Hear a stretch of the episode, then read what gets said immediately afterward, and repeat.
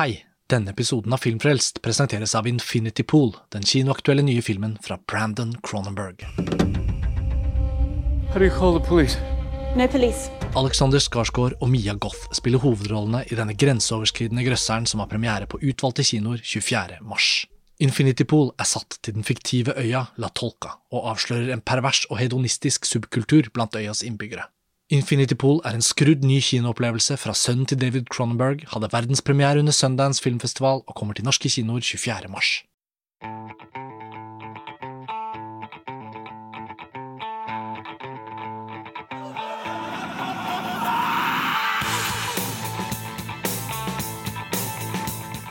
Hei og velkommen til en ny episode av Filmfrelst, podkasten fra filmtidsskriftet montasj.no.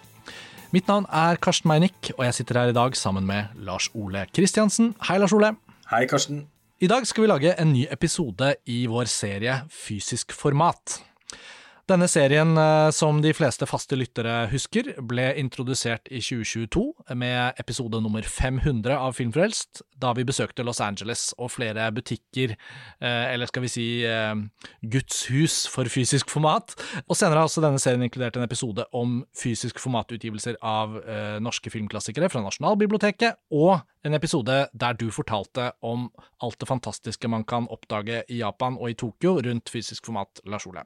Yes. Og i denne episoden så tenkte vi å egentlig begynne med det som kanskje er de såkalte hverdagsutgavene av denne serien, nettopp episoder hvor vi trekker fram en spesifikk utgivelse av en film på fysisk format, og spinner litt rundt den i samtale. Og for deg og meg, Lars Ole, så er jo også denne fysisk format-serien en anledning til å lage litt sånne gode, gammeldagse podkastepisoder med lave skuldre og litt høyere grad av nerding. Yes, og eh, mange digresjoner, og i det hele tatt så eh, er det jo sånn når vi møtes eh, in the flesh så, ja. så, springer ofte samtalen i veldig mange forskjellige retninger. Og eh, de vil nesten alltid sneie innom noen utgivelser som vi nettopp har anskaffet eller tatt ut av plasten for første gang. Eh, og som jeg pleier å si til eh, til folk som jeg blir kjent med, at film, det er jo mitt arbeid og min lidenskap men samlingen, fysisk format, eh, det er hobbyen. Ja, og vi, til og med denne episoden er vi jo også liksom utenom arbeidstid, det er helg, vi slapper av, og vi, vi, vi, vi ble vel enige om at liksom, nå har vi bare lyst til å lage en podkastepisode om dette. Og det er klart vi har masse lyst, engasjement og entusiasme i alle episodene vi lager, men akkurat det å bare møtes nå for å prate litt om først og fremst én utgivelse, da, men så spinner vi litt rundt den. Det, det var bare noe så veldig sånn avslappende og deilig over å bli enige om det. Så vi mm. sitter begge litt i våre da hobbyer i dag. Og ja, hvordan skal vi introdusere dette? Altså, Disse fysisk format-episodene som jeg nevnte, som vi allerede har laget, de har jo noe litt sånn omfangsrikt og, og ambisiøst over seg. En ting er selvfølgelig når man reiser rundt i verden og, og gjør fysisk format, eh, eller innkjøp osv., så videre, sånn som vi har snakket om fra Los Angeles og Tokyo. Noe annet er liksom et intervju og et møte hos Nasjonalbiblioteket og sånn, men, men det vi skal gjøre nå, som jeg håper vi skal gjøre oftere, da, er jo rett og slett det som egentlig var litt utgangspunktet. At så mange ganger når vi møtes, eller bare snakker om eh, Blu-rayer eller utgivelser som vi har kjøpt, så snakker vi om det på en måte som vi vet at mange andre i montasje også eh, engasjerer seg for, og mange av leserne og lytterne våre. Så det er egentlig, denne episoden blir jo da første forsøk på å liksom bare overføre en sånn litt sånn hverdagslig prat da, rundt det vi elsker med dette. Ja, og det, akkurat denne episoden sprang jo ut av at uh, vi hadde en telefonsamtale i går. Mm. Og ble enige om å, å, lage en fysisk formatepisode som tar utgangspunkt i bare én utgivelse. Mm. Og, og, så var det et felles ønske om at den utgivelsen da skulle være av en film som ingen av oss hadde sett fra før av, men som lenge har liksom eh, presset seg på eh, av ulike årsaker. Og vi ble enige om å bare gå rundt og, og, plukke i våre respektive samlinger og legge fram sånne nominasjonsbunker. Ja. Men fordi at jeg vet at hvis jeg da legger fram en bunke med veldig mange titler og tar bilde av den og sender til deg på Messenger, da er det på en måte stor fare for at vi ender med noe annet enn den som jeg egentlig hadde mest lyst til å se blant disse. Mm. Så det jeg gjorde, var at jeg, jeg tok ut ganske mange Blu-rayer eh, og DVD-er fra, fra hylla. Eh, men eh, plukket da egentlig Trakk ut én av, av, bunken som jeg videreformidlet til deg som et forslag. Ja. Men jeg bare kjente så sterkt på at det må nesten bli denne. Nå åpnet dette vinduet seg. Ja, det er så gøy, fordi til lytterne da, så tenker jeg også at det er viktig å trekke fram at Eh, det var fritidskonseptet, det var helg, det var det å slappe av og bare ikke tenke på alt mulig man har å gjøre, og lister over ting som skal gjøres, og da var det litt om å gjøre å finne en film som vi hadde en sånn ekte lyst til å se, og da er jo også underholdningsverdi, sjanger, spilletid, eh, og for så vidt også det at man kanskje har da eh, lyst til å få plukket denne filmhistoriske tittelen ned fra listen over ting man ikke har sett, fordi Eh, det kunne jo gjerne vært en veldig ny film vi også valgte, men eh, vi beveger oss noen tiår tilbake, og forslagene var eh, mer enn ett litt fordi jeg var litt usikker på om den utgivelsen du foreslo først, var noe jeg hadde, og så til slutt, da du la det det ble da på bordet, så kjente jeg ja, så utrolig inn fra venstre, og ingen logikk i verden tilsier at akkurat denne filmen skulle bli aktuell akkurat nå, og derfor var det et innmari bra forslag.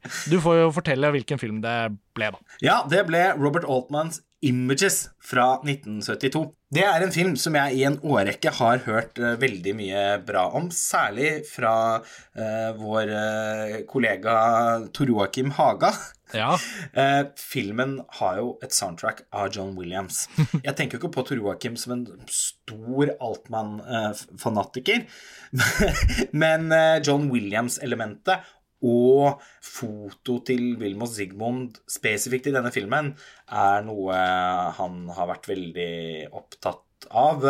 Da han og jeg eh, intervjuet Wilmot Sigmund for noen år tilbake i forbindelse med at han gjestet Cinemateket i Oslo. Så, og det var eh, Tor som på en måte skrev artikkelen, men jeg var til stede i, i, rommet og var med å stille noen spørsmål og sånn. Men han eh, jeg, jeg, tror det ble sånn to-tre spørsmål om images. ja. Det er med i teksten. Jeg sjekket den senest da etter at vi hadde sett Images nå, eh, og fant tilbake til det intervjuet, som var veldig gøy å lese. da. Ja. Sigmund har jo gått bort siden da, så det er litt sånn historisk og flott å, å ha det intervjuet på montasje. da. Ja, tenk at jeg fikk eh, signert eh, min Criterion-utgave av Blowout til De Palma. Ja, herregud.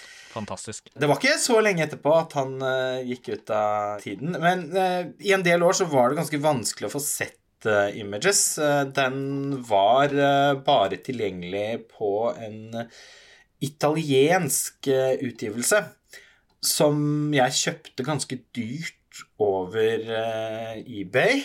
Kjempestygg, men innholdsrik i og for seg. Altså det, er, det er to disker, og det er noe ekstramateriale her. Også. Det er en såkalt special edition. Uno dei film bio Genialdi di Robert Altman. ja, sitter du med den i hånden akkurat nå? Jeg sitter med den i hånden. Og ja. jeg endte jo da aldri opp med å med å se den. Altså, når utgivelsen først var anskaffet, så tenkte jeg ja, men da kan den jo slappe av litt. For nå har jeg den jo tilgjengelig. Og selv da fikk du ikke sett den. Og dette er jo den forbannelsen som hviler over oss. Folk skulle bare visst hvor mye man har, og som man ennå ikke har fått sett. Og så kommer det en ny utgivelse. Og det er det som har skjedd i dette tilfellet, da. At Images, da du foreslo den, så kunne jo jeg også trekke ut av hylla den samme utgivelsen som da vi har valgt å bruke for å se filmen begge to nå for første gang, og det er da Arrow det britiske eh, labelen sin utgivelse av Images fra 2018, hvor de da har fått filmen restaurert i 4K og utgitt den på Blu-ray. Og det velger man jo selvfølgelig da å kjøpe og se filmen fra, når tiden omsider kommer for å få sett Images. Så den italienske DVD-en blir jo en sånn uh, rørende artifakt, da. Ja, som jo aldri kommer til å bli eh, brukt. den, den, er bare for hylla nå. Og dette har jo skjedd altså så mange ganger at eh, filmer som det er vanskelig å anskaffe, eh, et, til slutt blir eh, kjøpt for da en i utgangspunktet for høy sum. Og, og så ender man ikke opp med å faktisk da ta i bruk den utgivelsen før filmen blir eh, håper å si, antatt av Criterion Collection eller Arrow tilsvarende. Oh, og det skjedde altså denne gangen òg. Ja, jeg vet ikke om lytterne trenger en sånn veldig detaljert introduksjon av Arrow. Jeg, jeg, jeg, føler vi må bare ta høyde for at våre lyttere er ganske godt kjent med de forskjellige labelene, men Arrow er jo på en måte eh, den britiske criterion, kan man si, og ofte så har jo Arrow endt opp med å komme med utgivelser som er vel så, eller enda mer imponerende enn criterion sine, så jeg tenker at vi skal ikke lage en sånn enorm detaljert Arrow-presentasjon her, men det vi kan si er jo at denne spesifikke utgivelsen er da basert på en restaurering som de selv har satt i gang og samarbeidet med rettighetshaver om å utgi på Blu-ray. Så denne spesifikke Blu-rayen på sone 2 fra Arrow, den er da uh, Blu-ray-utgivelsen av Images per i dag også. Den er ikke utgitt av Criterion Collection f.eks. i USA. Jeg må bare si at jeg er kjempefan av uh, Arrow, da. Jeg syns de gjennomgående har bedre design, egentlig, enn Criterion. I alle fall så syns jeg Criterion Eh, sjeldnere og sjeldnere eh, leverer på design. Det fins noen skikkelig skrekkeksempler fra de senere årene. F.eks. For den forferdelige Nattsvermeren-utgivelsen og, oh, Power of the Dog Blu-rayen. Uh, hvor jeg virkelig blir, sitter og tenker altså, hva er det dere holder på med? Mens Arrow veldig gjerne leverer originalt artwork, da. Det mm. Criterion belager seg jo oftere og oftere på allerede eksisterende artwork også. Jeg husker hvor skuffet vi var når den Barry Lyndon-utgivelsen kom. Ja, det var jo ekstrem nedtur. Mens Arrow så, å si alltid har et originalt artwork, og så har de sånn flipside, sånn at uh, de har et uh, allerede eksisterende artwork uh, på, på, den andre siden av ja, altså coveret, på en måte, da. Ja, og så kan man si at uh, Arrow, fordi det er et britisk uh, label, så kan man også si at tilgjengeligheten, rett og slett, da, i forhold til å kjøpe filmene enten fra utenlandske nettbutikker eller på platekompaniet, holder en litt lavere pris enn Criterion, men ofte vel så høy, eller som du sier, da, høyere kvalitet. Og høyere liksom production value. altså Mange av spesialutgavene ja. til Arrow har jo uh, tykk papp og små bøker, og mm. eh, jeg syns jo generelt at man får veldig mye mer for pengene. Ekstramaterialet er ofte også bedre, kanskje fordi de er britiske, jeg vet ikke, men sånn ja, som eksempel Blu-rayene av Mario Bava sine, sine filmer har sånn helt eh, sånn fremragende videoessays. Eh, det sier ikke at Criterion ikke har det. det altså, Criterion på sitt aller beste er nok fortsatt uh, verdens fremste label. Men uh, de siste årene så syns jeg nok snittet hos Arrow er jevnt over høyre. Og så er det nesten også sånn at jeg per i dag er, er mer nysgjerrig når de annonserer sine neste utgivelser. Jeg syns Criterion står litt sånn i stampe, og i for liten grad sørger for å tilgjengeliggjøre titler som altfor lenge har vært umulig å få tak i eller få sett. Mm. Mens eh, Arrow har jo virkelig egenhendig sørget for å løfte fram særlig da mye skrekk- og kultfilm. For uh, selv om vi kan omtale de som Europas uh, criterion, så har de jo tross alt også en litt annen profil. Egentlig så, så, er det et kult- og skrekk-label, men som også mm. i tillegg har hatt en seksjon som heter Arrow Academy. Og den har på en måte det, det, har vært veldig mange flere utgivelser der eh, de siste årene, som jo da nok har gjort at det blir oppfattet, mer, oppfattet som mer og mer Criterion-aktig. Det blir litt på samme måte som det norske distribusjonsselskapet eh, Another World Entertainment, eh, egentlig, som på et tidspunkt ble mm. kalt for Another Art House, fordi ja.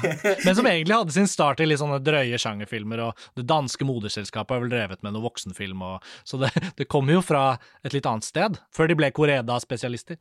Ja, men, men, altså spoler vi tilbake til de, de formative fysisk formatårene for min del, da, sånn 2004, 5, 6 sånn, så eh, var jo så, så forbinder jeg Arrow med utgivelser av eh, Erik Romer og Claude Chabrol sine filmer og sånn. Mm. Og noen italienske òg. Jeg husker at uh, min gamle DVD av uh, De Sica sin uh, Sykkeltyven er, uh, er en Arrow-utgivelse.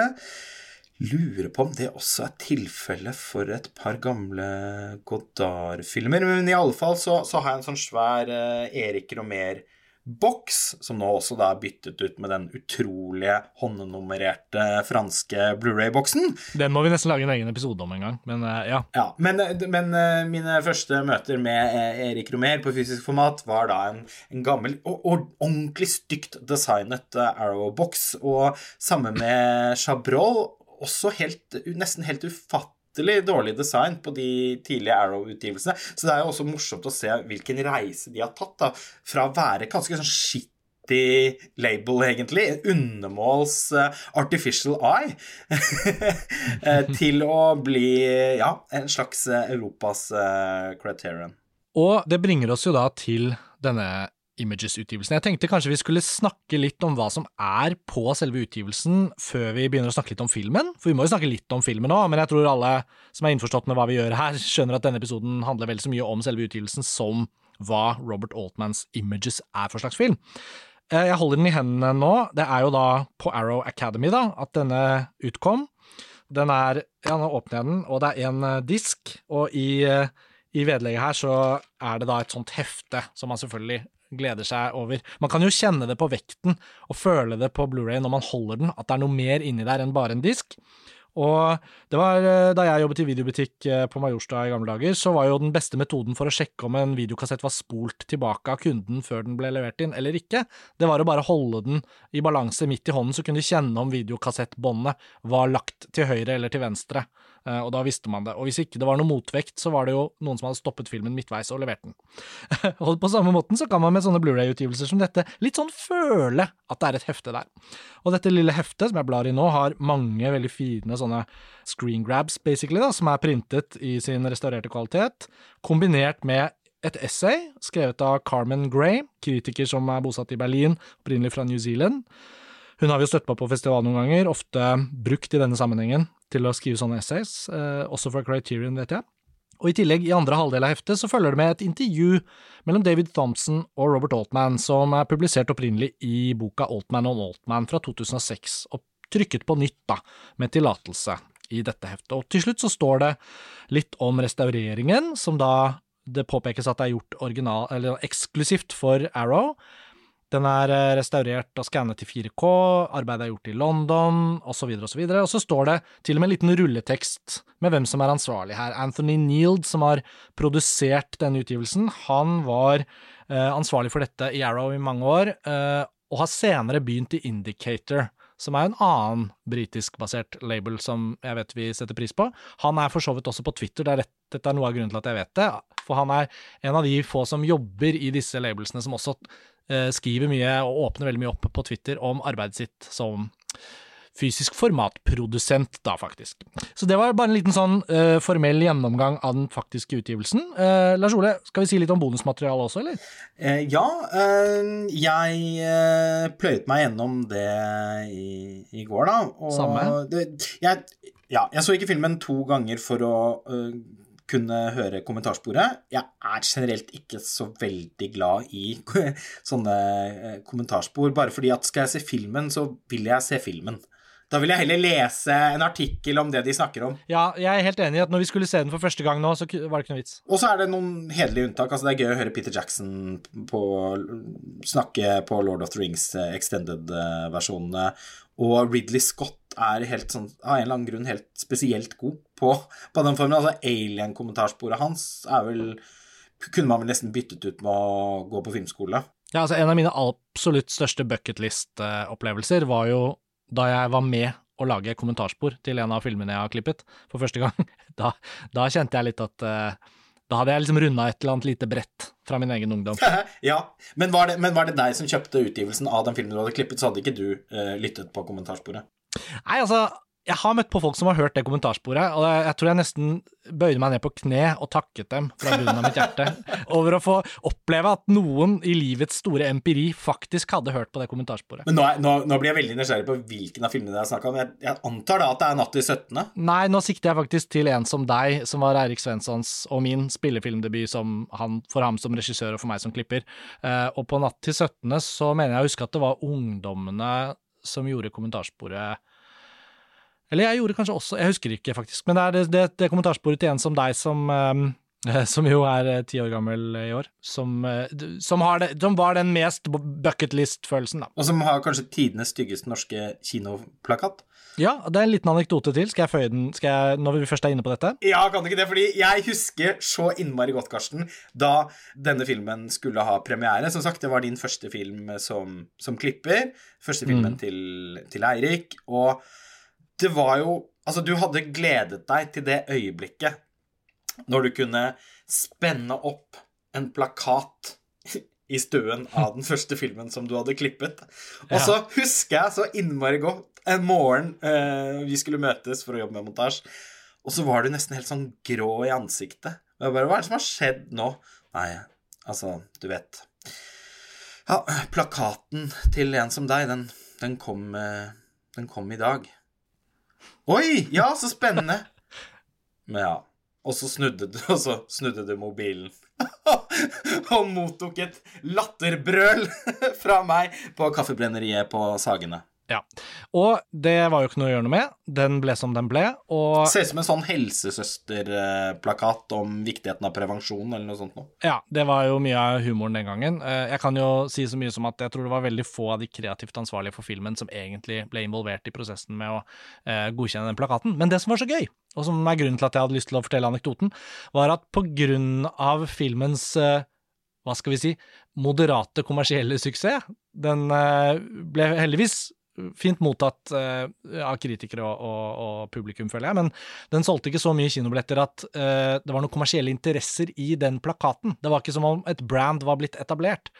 Og da den skulle utgis på fysisk format, så var jeg del av en e-postveksling hvor det både ble foreslått å bare gi den ut på DVD, og jeg hamret igjennom det. Er da ingen grunn til å ikke utgi den på Blu-ray? Det er jo helt opplagt at man må. Og så ble den det. Men det var også mulig å foreslå et nytt omslag. ja. som jeg også ble involvert i. Og da presset jeg ganske hardt på at det er jo ingen som har noe forhold til den kinoplakaten, så her kan vi jo lage et helt nytt eh, DVD- og Blu-ray-omslag. Uh, jeg tror og vet at Eirik Svensson ble veldig glad for det resultatet mot hva som var, da. Så for eksempel hvis man er inne på IMDb på den filmen, så er den hovedplakaten som brukes der, det er den som ble laget til fysisk formatutgivelsen, da. Og så kan man også, hvis man blar i galleri, kan man se den opprinnelige kinoplakaten i tillegg. Ja, for det er jo morsomt at uh, takket være deg, så, så har en som deg en litt sånn uforholdsmessig gjennomarbeidet fysisk formatutgivelse. Ja, det, det, kan man si, og jeg, jeg, jeg, tar ikke noe sånn credit for det alene, altså, men jeg, jeg, tror nok også Eirik eh, Svensson merket min entusiasme for fysisk format også den gang, i forbindelse med at vi lagde vår første film, som en sånn bucketlist-element, da. Men det var en lang, eh, lang digresjon for å egentlig si noe om betydningen av rett og slett eh, ekstramateriale og verdien av at fysisk format har muligheten til å bære frem hver eneste film på en litt rikere måte uh, i dens etterliv, da. Og dermed er jo både den vissheten nå ti år senere om at denne norske filmen til Erik Svensson, og som jeg klippet, faktisk da fins på Blu-ray med en forseggjort ekstramaterialeside og et omslag som man kan være stolt over, det er jo mye lengre varig enn en kinorelease. Og på samme måte da med Robert Altmans Images. Da vi nå omsider begge to så denne filmen for første gang, så er det jo full credit til at Arrow har gitt den ut og gjort seg så flid med en utgivelse, som gjør at en film fra 1972, som ikke var en stor suksess den gang heller, faktisk fremstår eh, vel så fresh og fin i dag som den gjorde den gang. Da. Den vant prisen for beste kvinnelige hovedrolle i Cannes, men det blir beskrevet som at mottagelsen for øvrig var ganske moderat og ikke spesielt vellykket kommersielt da den ble lansert. Så Altman snakker litt sånn med humor om, om filmen i det intervjuet i, i bukletten, hvor han avslutter med at han følte at han hadde laget noe som var det beste som var blitt brakt på markedet siden hasj, og så, og så viste det seg ikke at publikum var så interessert likevel, da. Nei, og det blir jo også adressert i, i ekstramaterialet. Jeg begynte jo uh, å, å, å ramse det opp, men kom jo ikke lenger enn til kommentarsporet. Resten eh, består av eh, en såkalt Scene Select Commentary av mm. Eh, Altman. Den tror jeg du sjekket ut. Ja, jeg sjekket ut den. Det var ganske interessant også, fordi det føltes ikke ut som å sette seg ned og se filmen om igjen. Men han hadde masse poenger å komme med til et utvalg Det var vel 28-29 minutter, tror jeg det var totalt. Og så er det jo en dokumentar, på en måte en slags ja, eller sånn bakomklipp, hva skal man si. Den står at den kalles Imagining Images. Den så jeg. Eh, det er eh, et intervju med Altman, eh, og så mm. kommer også Sigmund med noen kommentarer helt mot slutten. Ca. en halvtime lang, det også. Robert Altman har jo han er jo en veldig velartikulert herre, og med en veldig flott stemme. Ja, åh. Får lyst til å høre han på radio, eller på podkast, da. Synd at han har gått bort. ja, så, så, det var eh, veldig fint å, å, se den, og eh, artig å eh, han, han, var jo ikke så hemmelighetsfull. Det er jo en film som åpner for ganske mange lesninger, dette her. Så jeg forventet egentlig at han skulle være mer eh, Eh, sånn gåtefull eh, i sin egen gjennomgang, mm. men var egentlig ikke det. Da han sa ja, men filmen handler om schizofreni. Eh, det var ikke et poeng for meg å langsomt avsløre hennes hovedkarakterens mentale tilstand Hun går opp i limingen allerede nesten i den første scenen. Ok.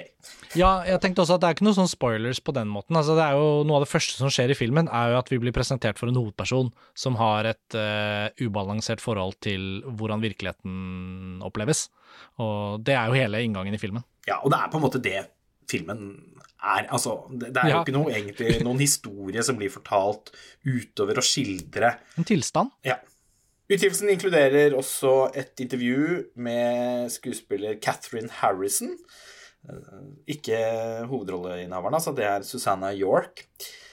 Og en eh, såkalt appreciation av musiker og forfatter Stephen Thrower. Han eh, har bidratt på flere Arrow-utgivelser og er alltid en fryd å høre på. Det varer ca. 40 minutter.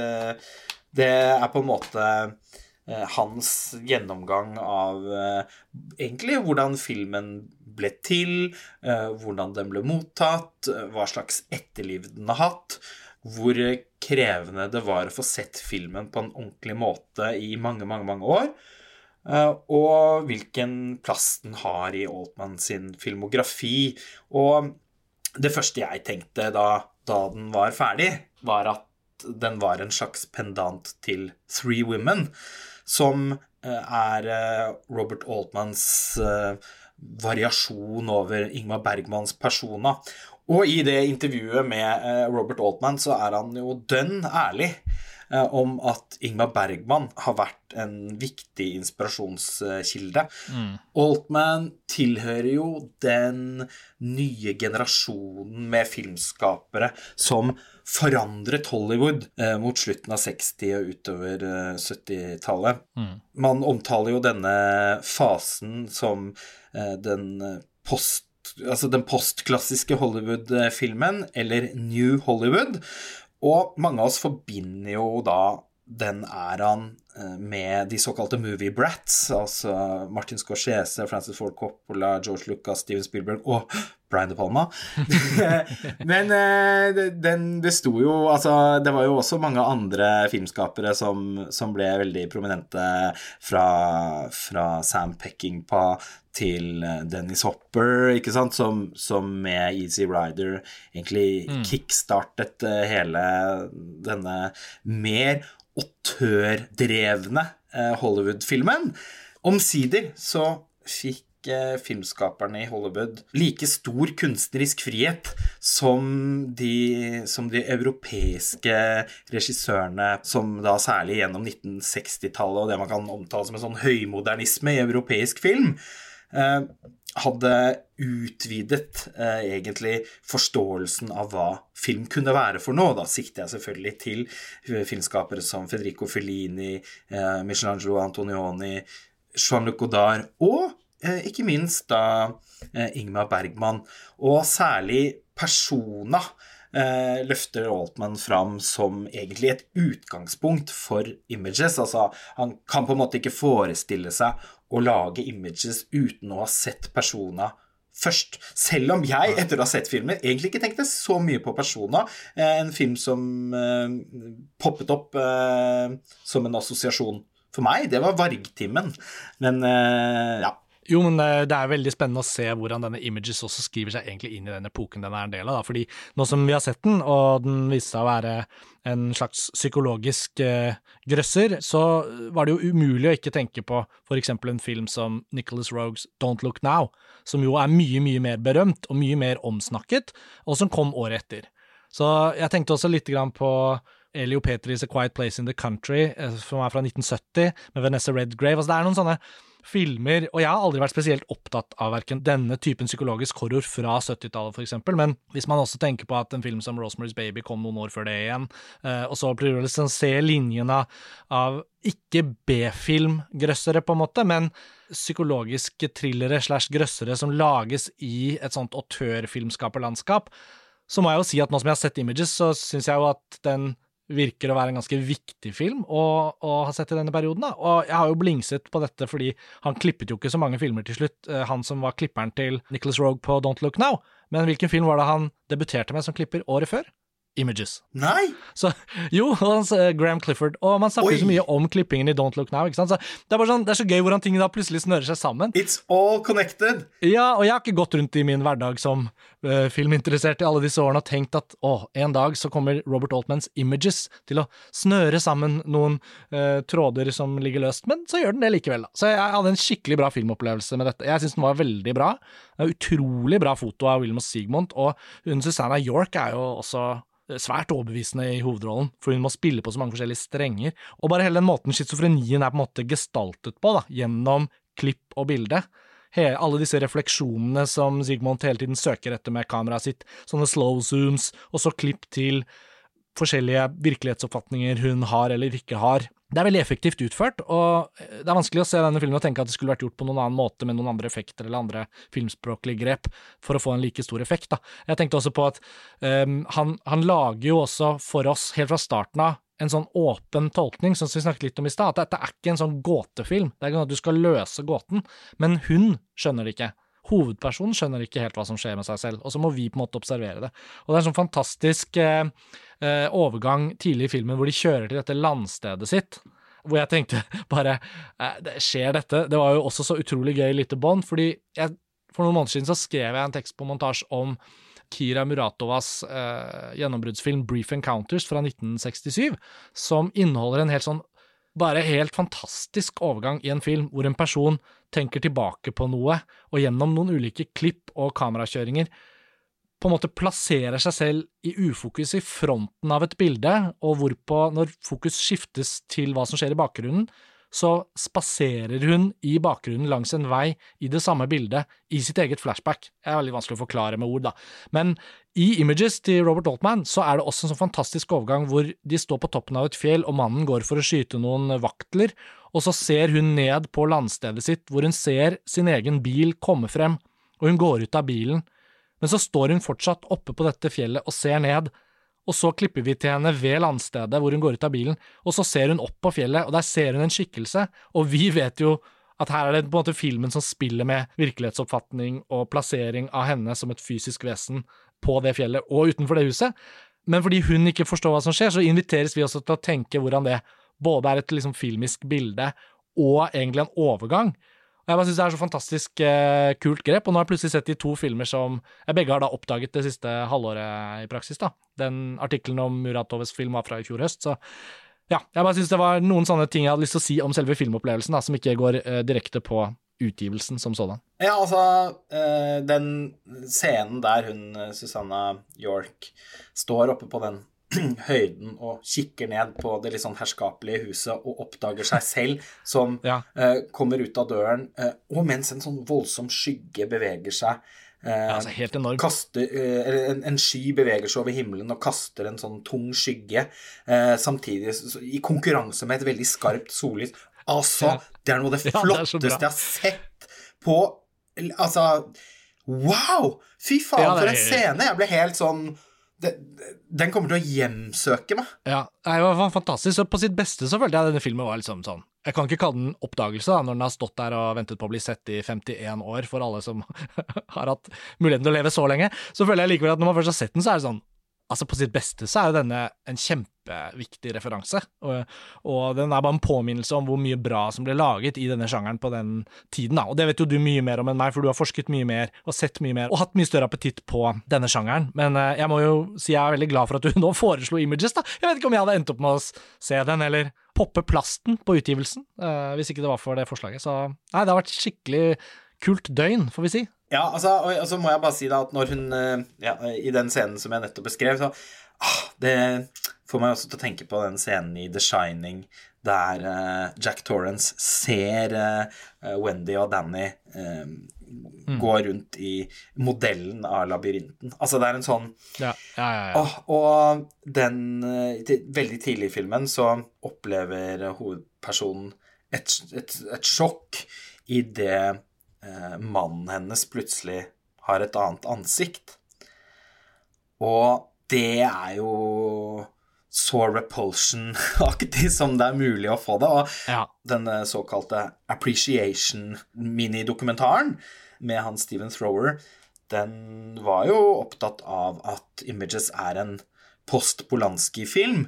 Mm, mm. Altså, Roman Polanski skapte jo den moderne psykologiske skrekkfilmen.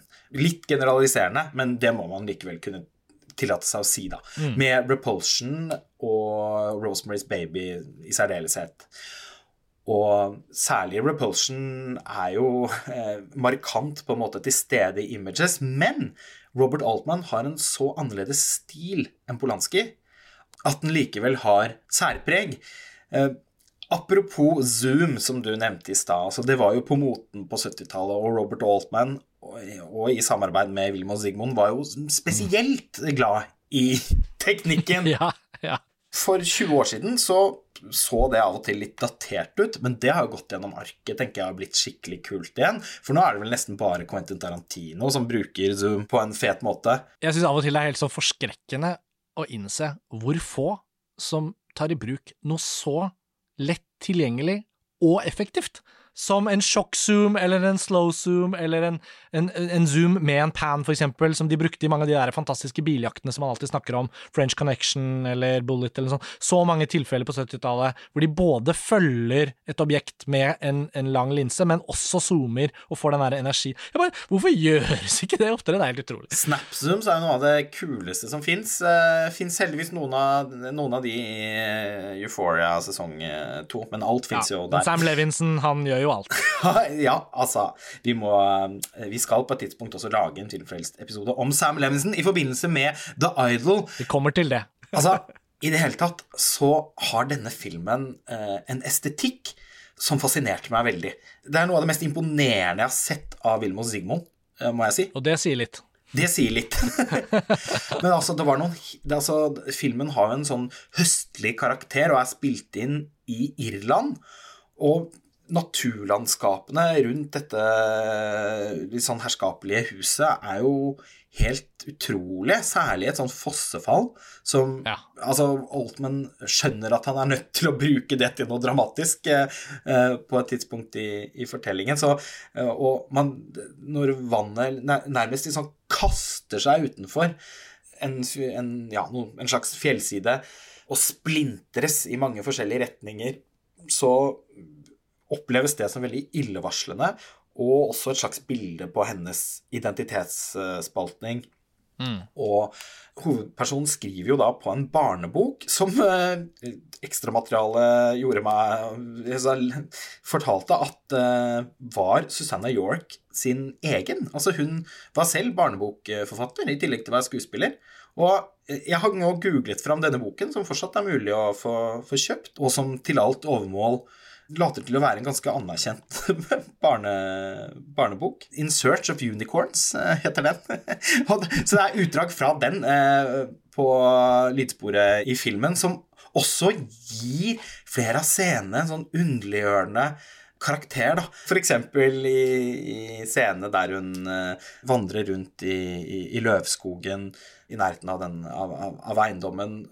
De sek sekvensene får en drømmeaktig karakter, og det har i og for seg hele filmen, men uh, de står uh, også da i, i kontrast til interiørscenene som som er stiliserte på en litt strengere måte.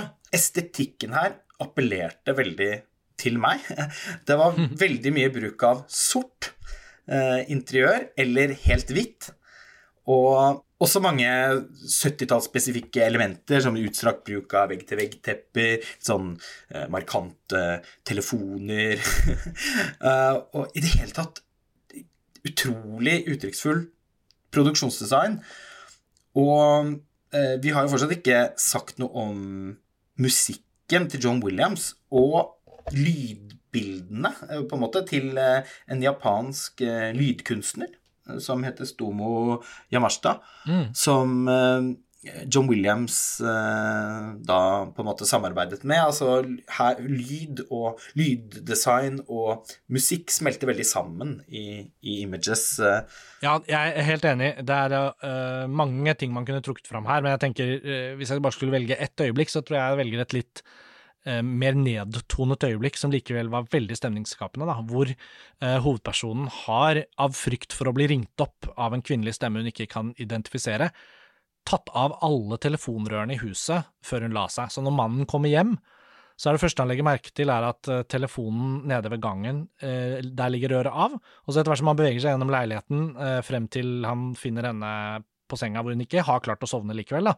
så legger han på røret på fire forskjellige steder, og hver gang han skjønner at det er et rør som ligger av, så introduseres det en sånn illevarslende summetone på lydsporet som er liksom tolket av Yamashita og, John Williams antageligvis i samarbeid, for den fremstår vel så mye som musikk, og den er ikke helt realistisk akkurat sånn en summetone ville vært, men den har en slags sånn tåkelur-lignende uhyggeskapende og det er så vidt man hører den, på en måte. Og så er det flere telefoner som da til sammen lager en slags sånn kakafoni. Ja, ja, ja. Det er fantastisk. Det slår meg at West Craven har nok uh, sett denne scenen her, fordi det er iallfall en av de bedre telefonterrorscenene jeg har sett uh, siden på denne Ja, på den andre siden av sk Skrik. Ja. Men du, helt avslutningsvis, Lars Ole, siden nå har vi fått, prater vi jo bare i vei, det er jo det som er så herlig med, med denne måten å lage podkastepisoder på, så ble vi enige om å ta ut alt vi har av Robert Altman på hylla, litt sånn for å bare eh, bla oss løst gjennom hans filmografi i form av fysisk format. Da. Vi trenger ikke gjøre det så superdetaljert, eh, men, men det er litt gøy, for Robert Altman er da en filmskaper som strengt tatt var anerkjent eh, da han var aktiv på 70-tallet og fikk sitt gjennombrudd. Han fikk sånn ulike faser som filmskaper gjennom 80- og 90- og tidlig 2000-tall.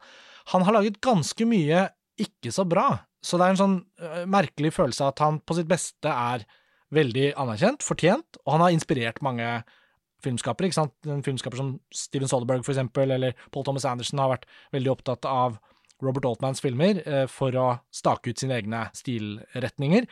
Men han har også vært utgitt, føler jeg, jevnt og trutt.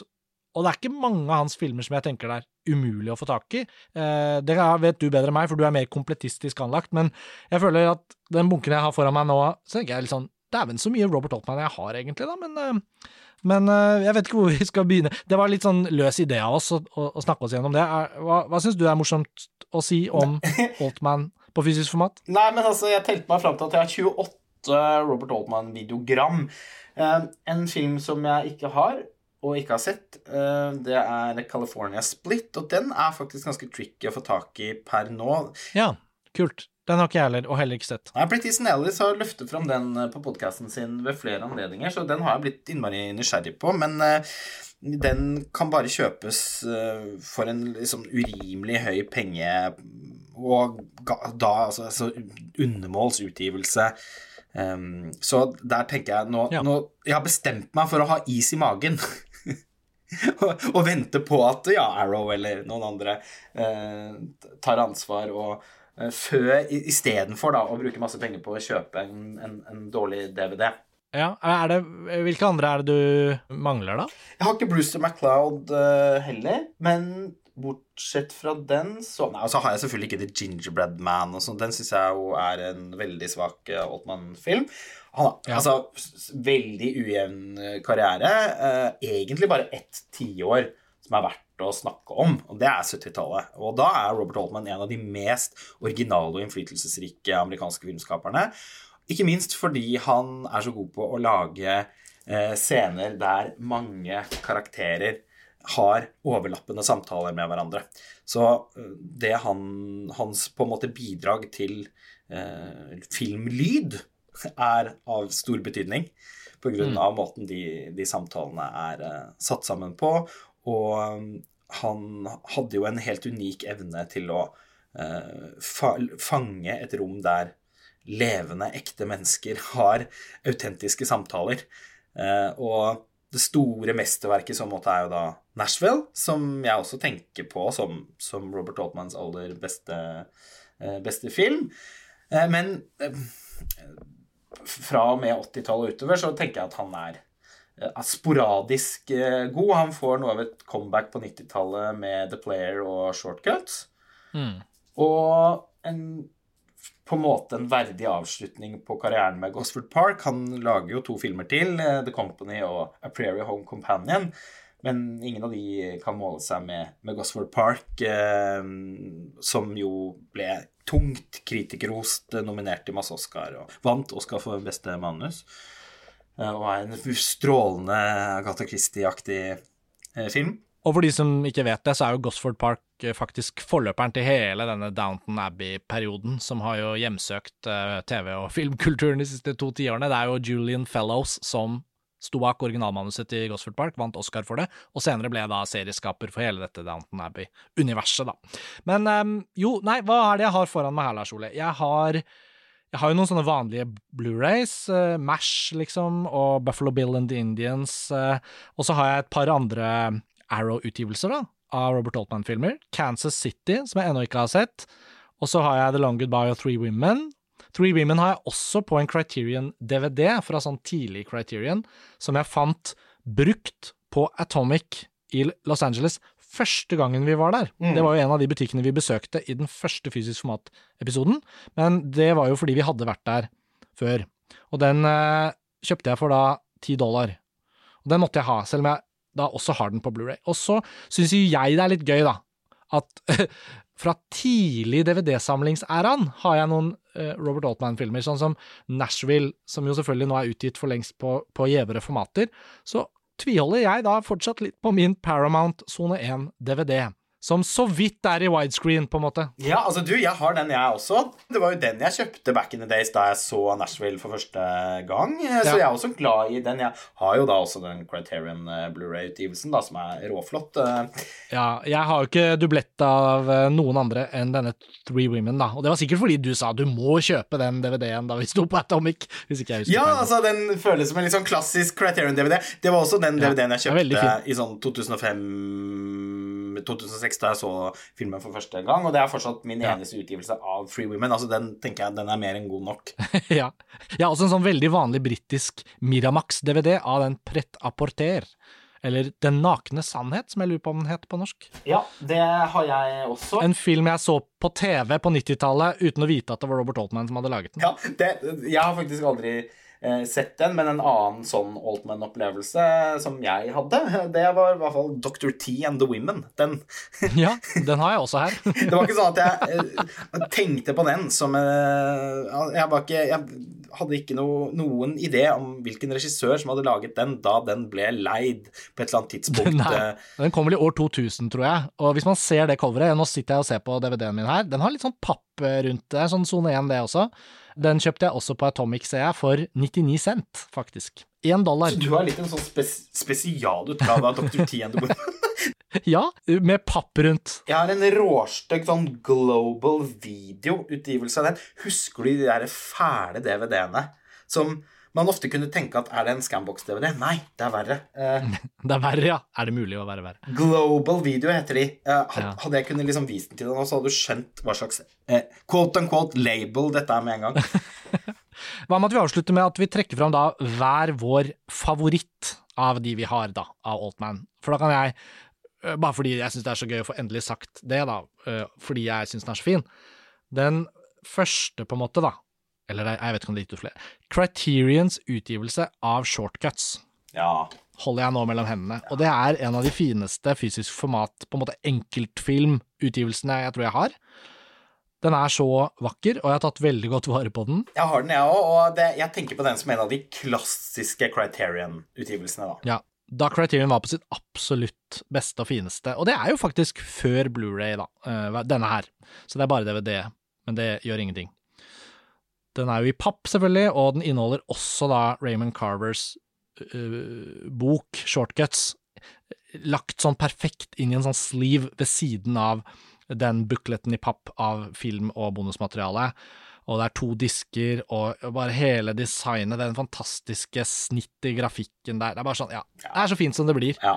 Den er utrolig uh, fin. Den er uh, en av i alt fem uh, Criterion-utgaver av Altman sine filmer som jeg har. Det er den, og så er det Blu-rayen av McCabe and Mrs. Miller, som jeg nok tenker ja. på som min nummer to Robert Altmans favoritt. Ja, den ville jeg nok tenke at det er en oppgradering jeg er ganske åpen for å gjøre, for den DVD-en av McCabe and Mrs. Miller er, er nok ikke Vilmos Sigmunds favoritt. Nei, det er virkelig et Blu-ray-must. Og så ja. Blu-rayen av Nashville, da, som jeg nevnte i stad, den kom jo i den fasen da eh, Criterion lanserte utgaver med både DVD og Blu-ray, som alle da kom i papp. Og det syns jeg kanskje er, i nyere tid er den beste fasen til Criterion. Men så var det noen idioter av noen nerds som sørget for å, å stanse disse utgivelsene. Fordi eh, de, de, klaget på Criterion for at man liksom måtte betale ekstra for å få både DVD og Blu-ray. Eh, og at eh, man ønsket separate utgivelser på Og det føltes så utrolig dumt, for hvis du er opptatt av Criterion, eh, og, så, så er det jo helt åpenbart at man fra det punktet de begynner å lansere Blu-rays, så er det jo Blu-rays man kjøper. Og, og, ikke DVD-er. Så det å liksom holde fast ved muligheten for å bare kjøpe DVD, jeg syns det var helt kokkelimunke at eh, Criterion faktisk lyttet til dette her. Og sånn forsvant denne egentlig litt sånn egne serien innad i Criterion Collection for godt, da. Mm. Veldig trist, men eh, Nashville-utgivelsen fra den gangen har jeg i alle fall til odel og eie. Råflott eh, utgivelse, både hva gjelder design og, og innhold. Og så har jeg jo denne Three Women-DVD-en, som, eh, som, du nevnte i stad. Den kjøpte jeg jo da for å se filmen i, ja, for veldig mange år siden. og det er også da en Oldman-film som jeg er veldig begeistret for ikke minst pga. de Bergman-parallellene eh, som eh, jeg nevnte tidligere i, episoden, og fordi at rolleprestasjonen her til Shelley Duvall er eh, helt utrolig god. Hun er jo en skuespiller jeg har et nært forhold til gjennom The Shining, min eh, favorittfilm. Jeg har alltid eh, tenkt at hun er en veldig undervurdert skuespiller, som nå plutselig har fått en helt annen type anerkjennelse. Særlig for rollen som Wendy Torrance i The Shining. Det ble nylig utgitt en, en bok om The Shining av Rough Trade. Som, det er en veldig underlig utgivelse. Jeg tenker at det, det, er, det har jo i løpet av det siste året kommet to litt sånn markante bokutgivelser om The Shining, som jeg tenker at burde være utgangspunktet for en senere episode av fysisk format-serien vår. Ja, absolutt. Vi har jo varslet det før også, at vi skal komme inn på filmbøker. Eh, du får gi en liten teaser. Eh, ja. Nei, men altså Denne Rough Trade-utgivelsen er på en måte en, en boks som inneholder eh, det manuset som Bokmanuset som Jack Torrance skriver på i The Shining. Altså All work and no play makes Jack a dull boy i, ja. i ulike formater. Og så er det egentlig en bunke med ja, brosjyrer, vil jeg kalle dem, som inneholder essays eller intervjuer. Og påfallende mange av dem handler om Shelly Duvall og hennes rolleprestasjon. Og det syns jeg er eh, vel uh, fortjent. Ja, kult. Den andre utgivelsen er vesentlig mer spesiell, selv om den Hvor skal også, du starte? Ja, hvor skal jeg begynne? Nei, jeg tenker at eh, vi, jeg, tror ikke vi skal gå inn på den nå, men det, Taschen har, har, laget en, en bokutgivelse uh, om The Shining som uh, da bare er utgitt i 1000 nummererte eksemplarer, og som nesten er som et lite museum om The Shining. ja. Og du, jeg føler ingen er mer perfekt for å være i besittelse av dette museet enn deg, da, spør du meg. Nei, og, og jeg er jo da det. Jeg er blant de som har investert, må man vel si i den utgivelsen. Ja, nei, men Vi skal få tid til å snakke om alle disse utrolige bøkene. Og før vi nå avslutter, Lars Ole, så bare tenkte jeg, for nå fikk vi jo trukket fram hva som var vår favoritt blant våre Altman-videogram, men du har jo 28 av dem. Eh, har du noe du kunne også fortalt om som skiller seg litt ut fra, fra helheten? Eh, Nei, altså, jeg har noen rariteter her, da. Eh, da vi var eh, på Amoeba i fjor, så plukket jeg med meg en film som heter A Perfect Couple. Den er det ikke mange som har sett, tror jeg. Og heller ikke jeg, men nå har jeg i alle fall en out of print sone 1-utgivelse av den. Den er jo da fra 1979.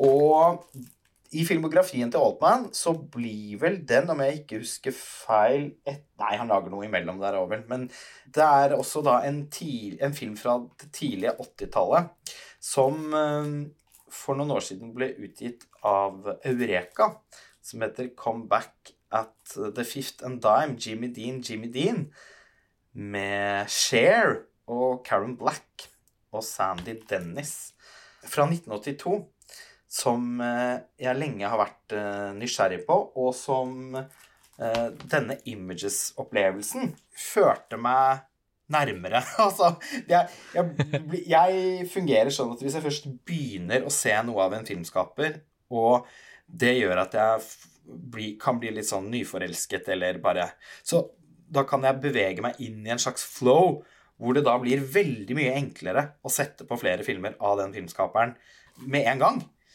ja. enn det ville vært ellers. Og på, altså den som jeg da nevnte nå, med Share, og That Cold Day in the Park, også utgitt på Blu-ray av Eureka, de spår jeg at kommer til å bli, bli vist på min hjemmekino eh, innen ukeslutt. Eh, That Cold Day in the Park er jo da også en film som handler om en kvinne som opplever en eller annen form for identitetsforskyvning, eller eh, Sånn som jeg har skjønt det, så eh, utgjør på en måte den og Images og Three Women en slags trilogi. Så det er jo litt interessant i seg selv. Mm.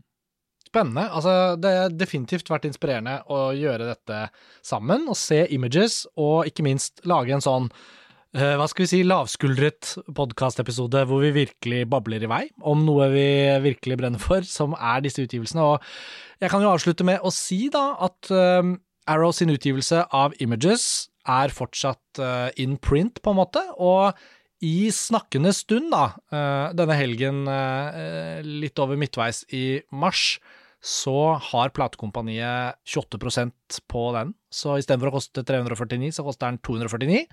Og fra Arrows egne sider i Storbritannia så koster den 18 pund, så hvis du begynner å legge på frakt og moms og sånn der, så kan det godt hende at platekompaniet egentlig har den beste dealen på den. Ja, platekompaniet har hatt veldig mange bra tilbud i det siste. I forbindelse med VM på ski ja, det var, og det er jo forbi nå. ja, så, så, hadde de en sånn kampanje der for hver, hver gang Norge vant gull, så, så, ble det nye tilbud. Og det var ofte ganske spreke tilbud. De var f.eks. helt oppe på 30 eh, på samlebokser. Og det, det, lot seg også slå sammen med allerede eksisterende tilbud, så der ble det noen skikkelig bra deals for min del. Og eh, i ukevis så har de egentlig hatt en sånn Criterion-kampanje der da de britiske eh, Criterion-utgivelsene har vært særlig prisgunstige. De har vel på sitt laveste ligget på 199, mm. og det er jo omtrent så, så billig det er mulig å få det. Og i en drømmeverden så hadde vi hatt en annonse for platekompaniet her, men det har vi ikke, så disse anbefalingene kommer jo da helt uten noen sånne bindinger, hvis uh, lytterne lurer på det. Så er dette bare vår anbefaling, da, i forhold til å holde det prisgunstig. Og det er ikke så mange norske forhandlere av fysisk format. Um, men hvis man leter litt uh, på nettet, så kan det jo hende at man finner en, en måte å anskaffe seg images på Blu-ray på som man er under platekompaniet i pris, men det jeg tror faktisk, akkurat nå i hvert fall, så er det tilbudet uh, det beste.